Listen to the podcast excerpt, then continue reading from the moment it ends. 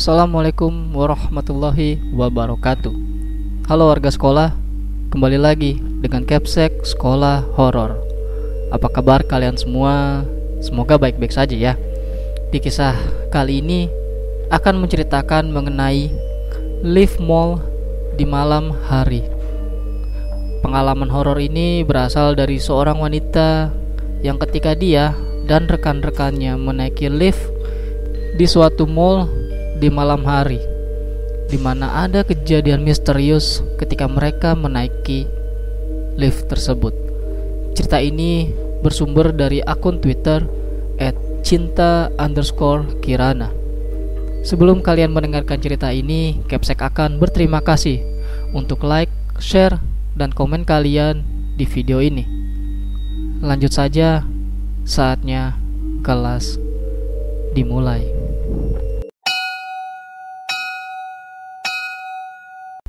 Cerita ini adalah pengalaman saya sendiri saat bekerja part-time di salah satu mall di daerah Bandung. Hari itu seperti hari Rabu biasanya. Saya dan kelima teman saya, sebut saja Rido, Sulaiman, Ilyas, Angga, dan Khoir selepas kuliah sekitar pukul 5 sore kami berangkat untuk kerja part-time menjadi marketing di tempat kursus dan penjualan instrumen musik di satu mall di Bandung. Saya adalah satu-satunya perempuan di tim marketing ini. Sebelumnya, saya mendapat informasi tentang lowongan pekerjaan ini dari teman SMA yang mengundurkan diri dan meminta saya untuk menggantikannya. Akhirnya, karena saya dan kelima teman saya pada saat itu sedang membutuhkan uang untuk biaya sehari-hari, kami pun mengambil pekerjaan tersebut. Kami berangkat ke mall dengan menggunakan sepeda motor. Saya berboncengan dengan Rido. Sisanya menggunakan motor masing-masing. Setibanya di sana, kami langsung menuju lantai paling atas. Tempat kursus kami memang terletak di lantai paling atas dan berada persis di depan tempat permainan anak. Lantai atas juga merupakan food court sehingga banyak counter-counter makanan, bahkan restoran dengan meja dan kursi yang berderet di sana sini. Aneh memang, ada tempat kursus di tempat seperti ini. Tapi bos kami memang mengusung tema bahwa musik bisa dipelajari di mana saja, termasuk di mall. Sesampainya di atas, kami membuka rolling door dan merapikan meja serta barang-barang lainnya. Disusul kemudian dengan kedatangan bos. Bos kami sebenarnya bekerja di salah satu kantor swasta ternama di Bandung. Jadi, mengelola tempat kursus ini bukan sebagai pekerjaan utama, hanya sebagai hobi saja sambil mengisi waktu sepulang kerja. Tempat khusus kami buka dari jam 6 sampai jam 9 malam. Sebenarnya hari ini tidak ada kelas, tapi kami harus datang untuk meeting persiapan pegelaran musik yang akan dilaksanakan dalam waktu dekat.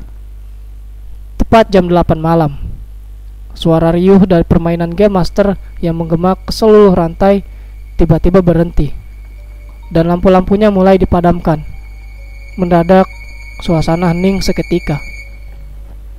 Saya melirik jam tangan dan merasa aneh. Karena biasanya Game Master akan berhenti beroperasi jam 8 lewat 30 malam. Hari ini tidak seperti biasanya. Food court pun tutup lebih awal dan hanya menyisakan meja-meja kosong dan kegelapan di beberapa titik. Karena merasa tidak nyaman dengan keheningan ini, bos kami mengakhiri pembicaraan dan membereskan barangnya. Yang lebih aneh lagi, tiba-tiba bos kami semua ikut bersamanya menaiki lift. Ya, lift yang kami gunakan akan langsung ke basement. Tempat mobilnya terparkir dan akan mengantarkan kami menggunakan mobil sampai ke parkiran motor yang berada di samping mall. For your information, parkiran mobil dan motor di mall ini memang terpisah. Kami yang awalnya heran, akhirnya mengikuti keinginan bos karena merasa segan.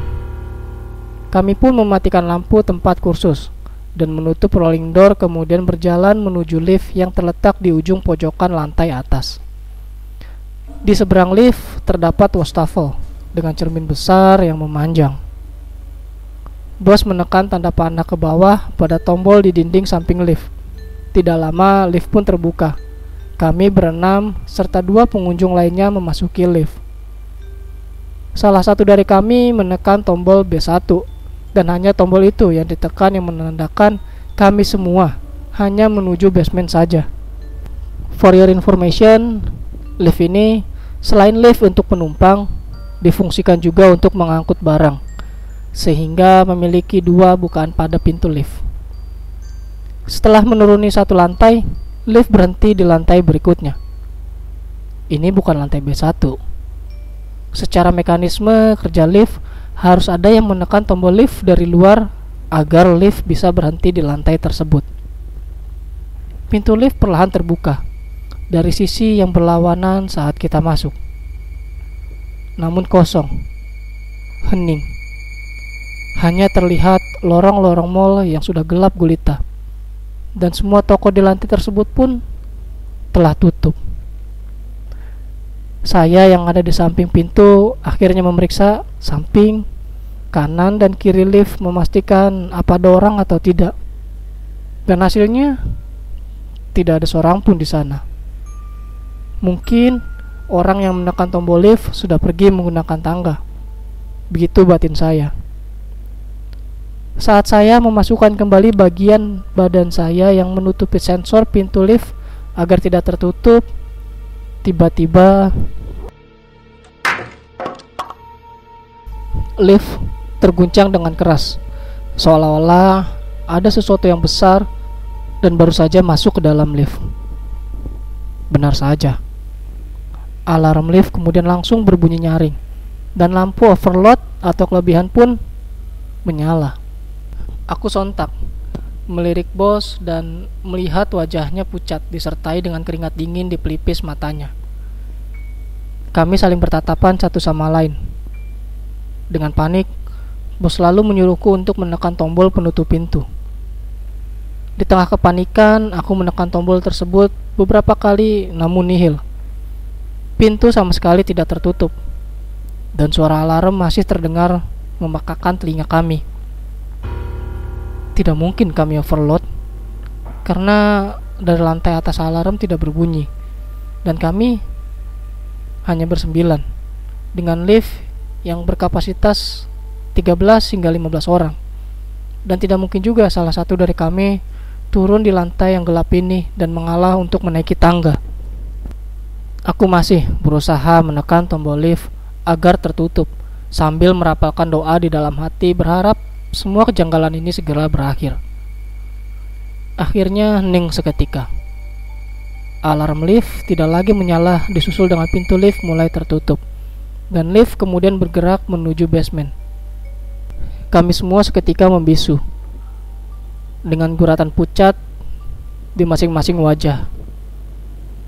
Sesampainya di basement, kami turun dan segera menaiki mobil bos. Tidak ada percakapan sama sekali Sampai akhirnya kami diturunkan di parkiran motor.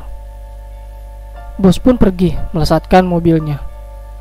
Dan kami saling bertatapan, kemudian bertanya-tanya. Tadi itu apa?